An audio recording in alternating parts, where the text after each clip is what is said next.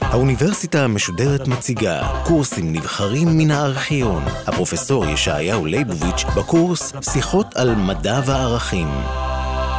לאחר שבוע אנחנו חוזרים לנושא הגדול שלנו, והוא בעיית ביסוסה של טענה מסוימת, או נדייק יותר של טיעון מסוים, בדרך הנראית לנו רציונלית, בין אם הטיעון הזה הוא טיעון מדעי או טיעון ערכי.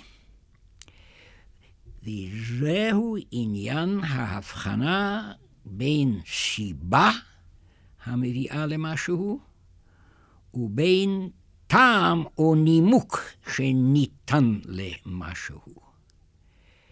וגם הפעם, כדרכנו, נפתח בהצגת דוגמה, גם במקרה זה, דוגמה בדויה מן הלב, וממנה ננסה להסיק מסקנות בעלות משמעות כללית. נתאר לעצמנו מגרש בנייה בלב העיר. מובאות כן, אבנים גולמיות מאחת המחצבות, וסטטים יושבים במגרש הזה ומכשירים את האבנים האלה לאבני בניין. על ידי סיטוט, כדי לשוות להם פאות חלקות וישרות. והנה עובר על פני הפועלים העוסקים במלאכה הזאת, עובר אורח, שאיננו יודע על המלאכה הזאת מאומה, הוא מסתכל מה שהם עושים, איננו מבין אותה, ושואל אותם, כן, מה, מה אתם עושים כאן? הפועל אחד עונה, על ידי נקישות פטיש ביתד, אנחנו מתיזים צורות אבן קטנים מעל זוויותיה ופינותיה של אבן גדולה. זאת היא מלאכתנו. הפועל השני, העובד יחד עם הפועל הראשון, ועושה בדיוק כמעשהו, עונה על השאלה, מה אתה עושה כאן?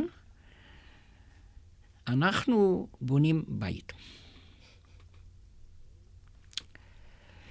השואל, ששאל תחילת שאלת התם שבגדה, מה זאת? שואל עכשיו את שאלת הרשע שבגדה, מה העבודה הזאת לכם? הוא איננו משתמש דווקא במילים של הגדה שאני השתמשתי בהם, אלא הוא בוודאי משתמש באחת המילים הרווחות אצלנו בדיבור. מהי הסיבה לעבודתכם? מה הטעם בעבודתכם? או בפשטות גמורה, מדוע אתם עושים מה שאתם עושים? הפועל הראשון עונה, בתאי שרירי מתרחש תהליך אנזימטי של העברת פוספט מאדנוזין טריפוספט מולקולות סוכר, ובעקבות התהליכים הביוכימיים האלה משתחררת אנרגיה הגורמת להתקצרותן של מולקולות של אקטין על פני מולקולות של מיאוזין שמהם מורכבים סיבי שרירי. והדבר הזה גורם להתקצרות שרירי הכתף והזרוע וכף היד, וכתוצאה מהתקצרות הזאת, כן הזרוע מניפה את היד האוחזת בפטיש המקיש ביתד, המטיס צורות אבן קטנים על פני האבן הגדולה. הפועל השני, ושוב, אני מזכיר לכם שהוא עושה בדיוק מה שעושה הפועל הראשון, עונה על השאלה, כן, מה סיבת העבודה הזאת, יש בני אדם הזקוקים לשיכון. ועתה אנו שואלים, מה קרה כאן? כיצד ייתכן שעל כל אחת משתי השאלות האלו, השאלה מה טיבה של העבודה הזאת, והשאלה מה סיבתה של העבודה הזאת, ניתנו שתי תשובות שונות. שונות לחלוטין, עד כדי כך שדומני שלא אטעה אם אומר שבכל אחד משני המקרים האלה לא הייתה אפילו מילה משותפת לתשובות שנתנו שני הפועלים, ויחד עם זה, דומני שכולנו נסכים ששתי התשובות היו נכונות. וענו לשאלות. כן, דבר זה איננו מפליא אותנו כלל. משום שאנחנו מבינים שהיה הבדל בכוונות של התשובות.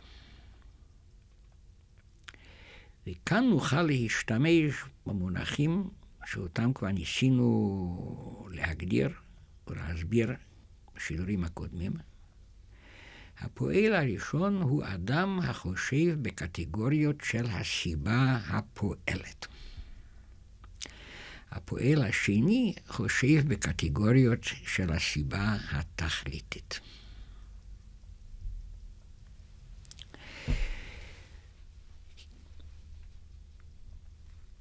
כן, אחד חושב בקטגוריות של הסיבה הפועלת. זאת אומרת, הוא חושב על הדברים המביאים לידי כך, או ננסח את זה בצורה אחרת, הדברים שמהם מתחייב שהפעולה הנעשית כאן תיעשה. השני חושב על מה שייעשה על ידי הפעולות הנעשות כאן. לשון אחר, האחד מסביר את ההווה מן העבר, השני מסביר את ההווה מן העתיד. מן העתיד. וזה ההבדל בין הסבר מדעי ובין גישה ערכית. בו ברגע שאנחנו סילקנו מן ההסבר המדעי את הקטגוריות האריסטוטליות של סיבה תכליתית וסיבה פורמלית, והעברנו אותן לתחום ההגות הפילוסופית, ולא נותרה לנו אלא מה שאריסטו קרא הסיבה הפועלת, והיא-היא בשבילנו ההסבר המדעי, הרי אין ההווה מובן לנו במשמעות שיש למושג הבנה במדע, אלא מבחינת העבר. כן, הדבר הזה ניתן להדגמה בכל מכונה שאפשר להעלותה על הדעת. מדוע הגלגל הזה ברגע זה מסתובב? משום שברגע שקדם לו, לחץ מישהו על כפתור מסוים. אבל בוא ברגע שתשאל השאלה, למה לחץ האדם הזה על הכפתור המסוים הזה? נצטרך בעל כורחנו לומר, הוא רצה להפעיל את המכונה. אבל פעולת המכונה הזאת באה רק לאחר הלחץ על הכפתור. זאת אומרת, הלחיצה על הכפתור מוסברת על ידי העתיד שאליו התכוון הפועל הזה. ואילו סיבוב הגלגל מוסבר במלואו על ידי לחיצה על הכפתור שקדמה לה, ללא כל התחשבות בכך מה תהיה תוצאת הסתובבות הגלגל הזה. ולכן אנחנו יכולים לנסח את ההבחנה בין ביסוס טיעון על סמך מושג הסיבה, שהוא מושג מדעי, ובין ביסוס טיעון על ידי נימוק או טעם, כהתייחסות במקרה הראשון לגבי העבר של הדבר שאנחנו רוצים להציגו, ובין התייחסות לעתיד הנובע מן הדבר הזה. ויש כאן הבדל עצום. נתאר לעצמנו שאותו זוג הפועלים שעליהם דיברנו בהקדמה שלנו, נחליף בזוג אחר של פועלים. שהם בני אדם הבאים מעולם אחר ומסביבה אחרת, ונתחנכו חינוך אחר. ולכן כמובן השקפותיהם ודעותיהם שונים מאוד מאוד. אלא שגם בזוג השני, אחד הפועלים יהיה אדם שמשום מה תמיד חושב בקטגוריות של הסיבה הפועלת, השני חושב בקטגוריות של הסיבה התכליתית. אבל כאמור, מלבד זה, הזוג השני שונה לגמרי מהזוג הראשון. נניח שבזוג הראשון היו שני צירים, בזוג השני שני זקנים. ואנחנו יודעים עד כמה העובדה הזאת משנה את יחסו של האדם לעולם כולו. נניח שבזוג ראשון היו שני יהודים, בזוג השני שני גויים, וגם זה משנה הרבה דברים. לא בהכרח, אבל ייתכן שזה משנה הרבה דברים. ייתכן שבזוג הראשון היו שני אנשים שנמצאים במצוקה, בזוג השני אנשים חיים חיי שלווה ושקט, וזה גם כן כבר משנה הרבה מאוד ביחסם לעולם. והנה, אין כל ספק שלגבי תשובותיו של הפועל הראשון, לא ישתנה מאומה כשנחליף את הזוג הראשון בזוג השני. גם בזוג השני, שכבר אמרנו, בתכונותיו האנושיות הוא שונה לגמרי מבני הזוג הראשון, אותו פועל המסביר, כן, גם מגדיר וגם מסביר את פעולתו לאור הסיבה הפועלת, לא יוכל להגיד דבר אחר ממה שאמר הפועל הראשון בזוג הראשון. ואילו לגבי הפועל השני, ייתכן שהתשובה תהיה אחרת לגמרי. והדבר הזה יתבהר לנו מיד אם נתאר לעצמנו שאותו, כן, הנודניק, כן, הלוחץ עליהם בשאלותיו, ימשיך לשאול ויאמר להם, אנשים טובים, אתם הגדרתם לי כל אחד לפי דרכו את מה שאתם עושים. אתם גם הסברתם לי מה שאתם עושים, כל אחד לפי דרכו. כי שמעתי שתי הגדרות שונות, שמעתי שתי הסברות שונות, אבל עכשיו תגידו לי עוד דבר אחד. האם המעשה שאתם עושים הוא מעשה טוב, או איננו מעשה טוב?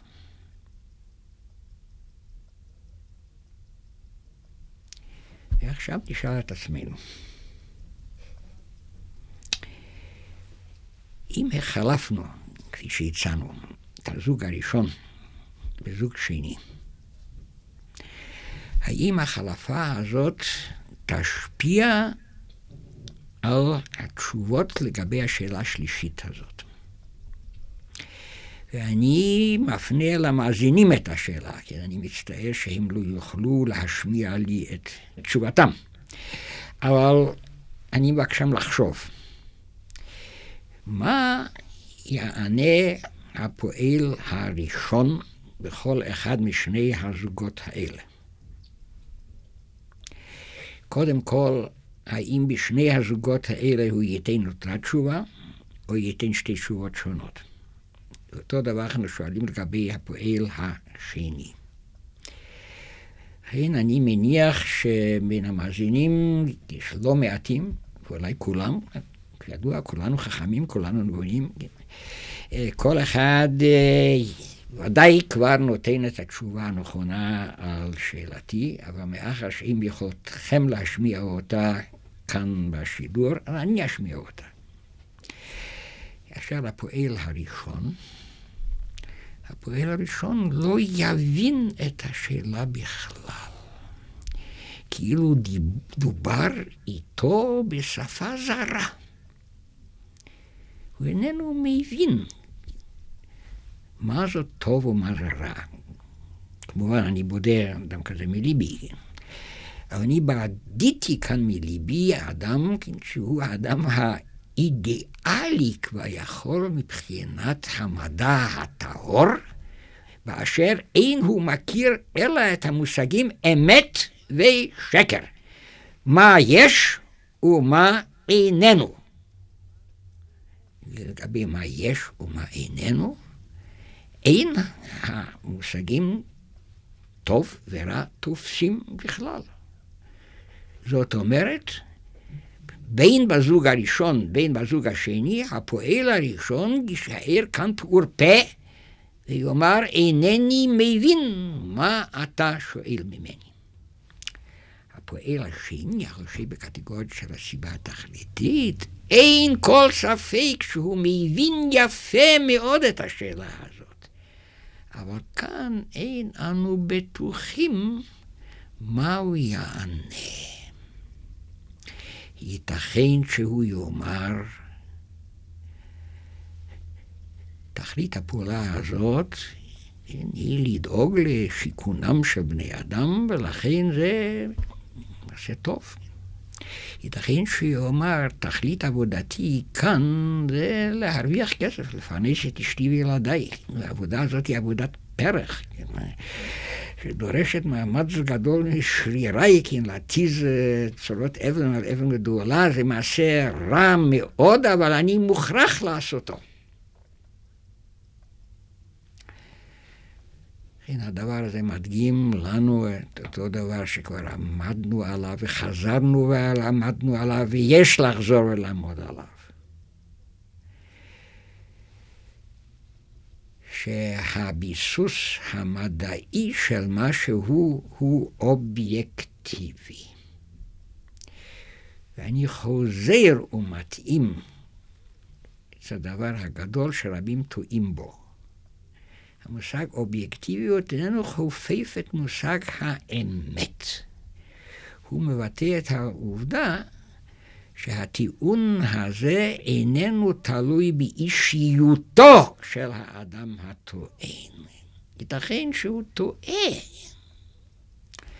אבל על כל פנים הטעות הזאת נובעת מהיעדר ידע, לא משום שיש לו תכונות מסוימות. כל היודע את הדברים יאמר אותו דבר, זאת היא האובייקטיביות. וייתכן שכולם אינם יודעים, ולכן כולם טועים. אז גם הטעות הזאת היא במובן ידוע אובייקטיבית.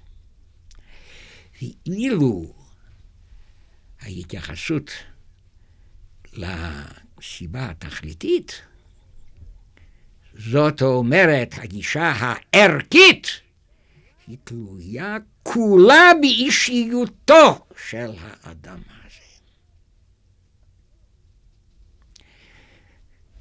זאת אומרת, היא לעולם סובייקטיבית.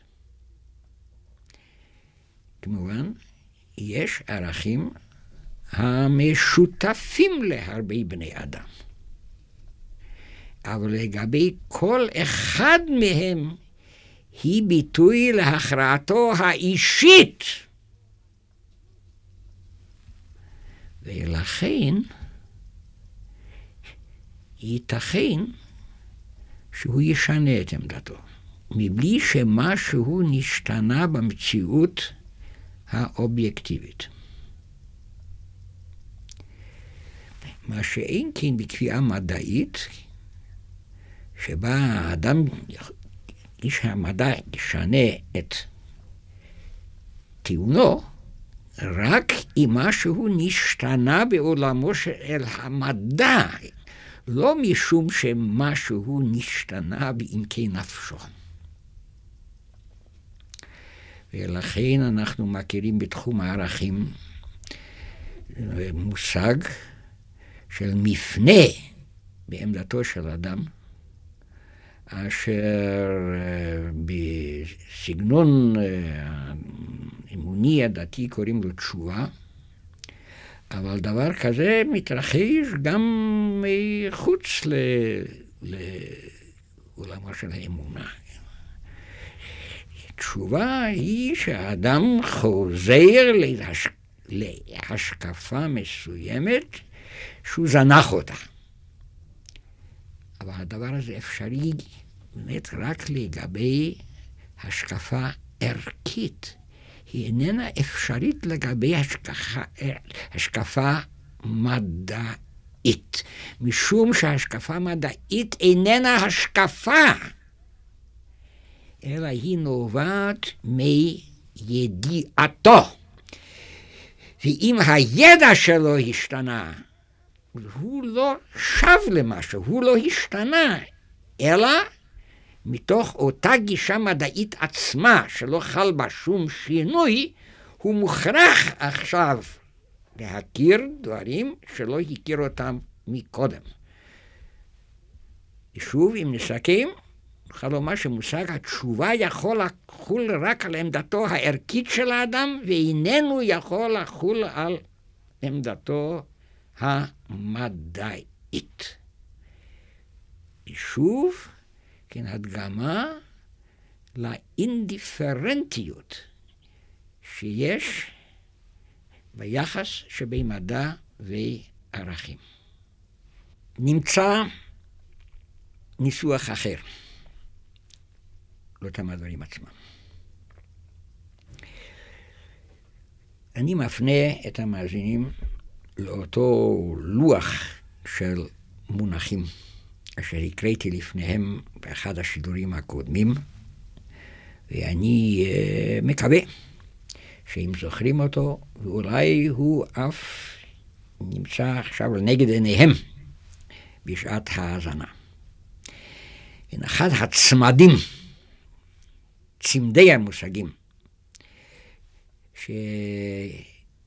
שכללתי באותו לוח, והמורכב משני מושגים המתייחסים לכאורה לאותו דבר, אבל שונים במהותם זה מזה, הוא הצמד מסקנה והחלטה.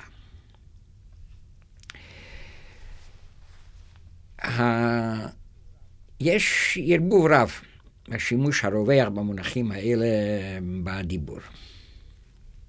וצריך להבחין ביניהם הבחנה יסודית מאוד מאוד.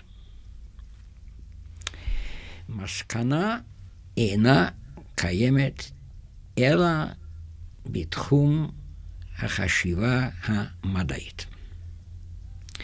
מסקנה נובעת ממה שיש, או אם נזהר יותר, ממה שלפי המידע שבידי האדם ישנו.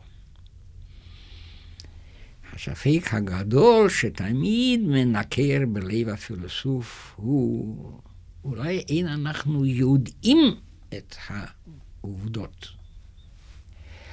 אבל כל פנים, מסקנה נובעת ממה שלפי ידיעתו של האדם ישנו. זה ניסוח אחר למה שאמרנו, ההפניה אל העבר. אמנם ישנו כאילו אני מדבר על ההווה, אבל אם אני מדבר על ידיעתו של האדם על מה שיש, הרי זה מכוון לכל הידע שהוא רכש עד עכשיו.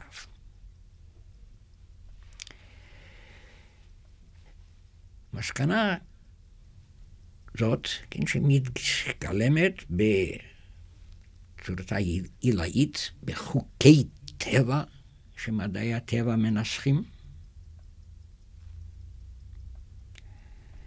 איננה בגדר החלטה.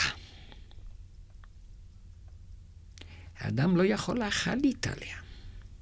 המסקנה הזאת כפויה עליו אם הוא מבין אותה. בכל שאר תחומי התודעה האנושית, האדם לעולם איננו מסיק מסקנות, אף על פי שלפעמים הוא משלה את עצמו שהוא מסיק מסקנות, אלא הוא מחליט החלטות. וההחלטה איננה כפויה על האדם. ראיה לדבר ששני בני אדם המכירים את אותן העובדות עצמם, ייתכן שיחליטו החלטות שונות.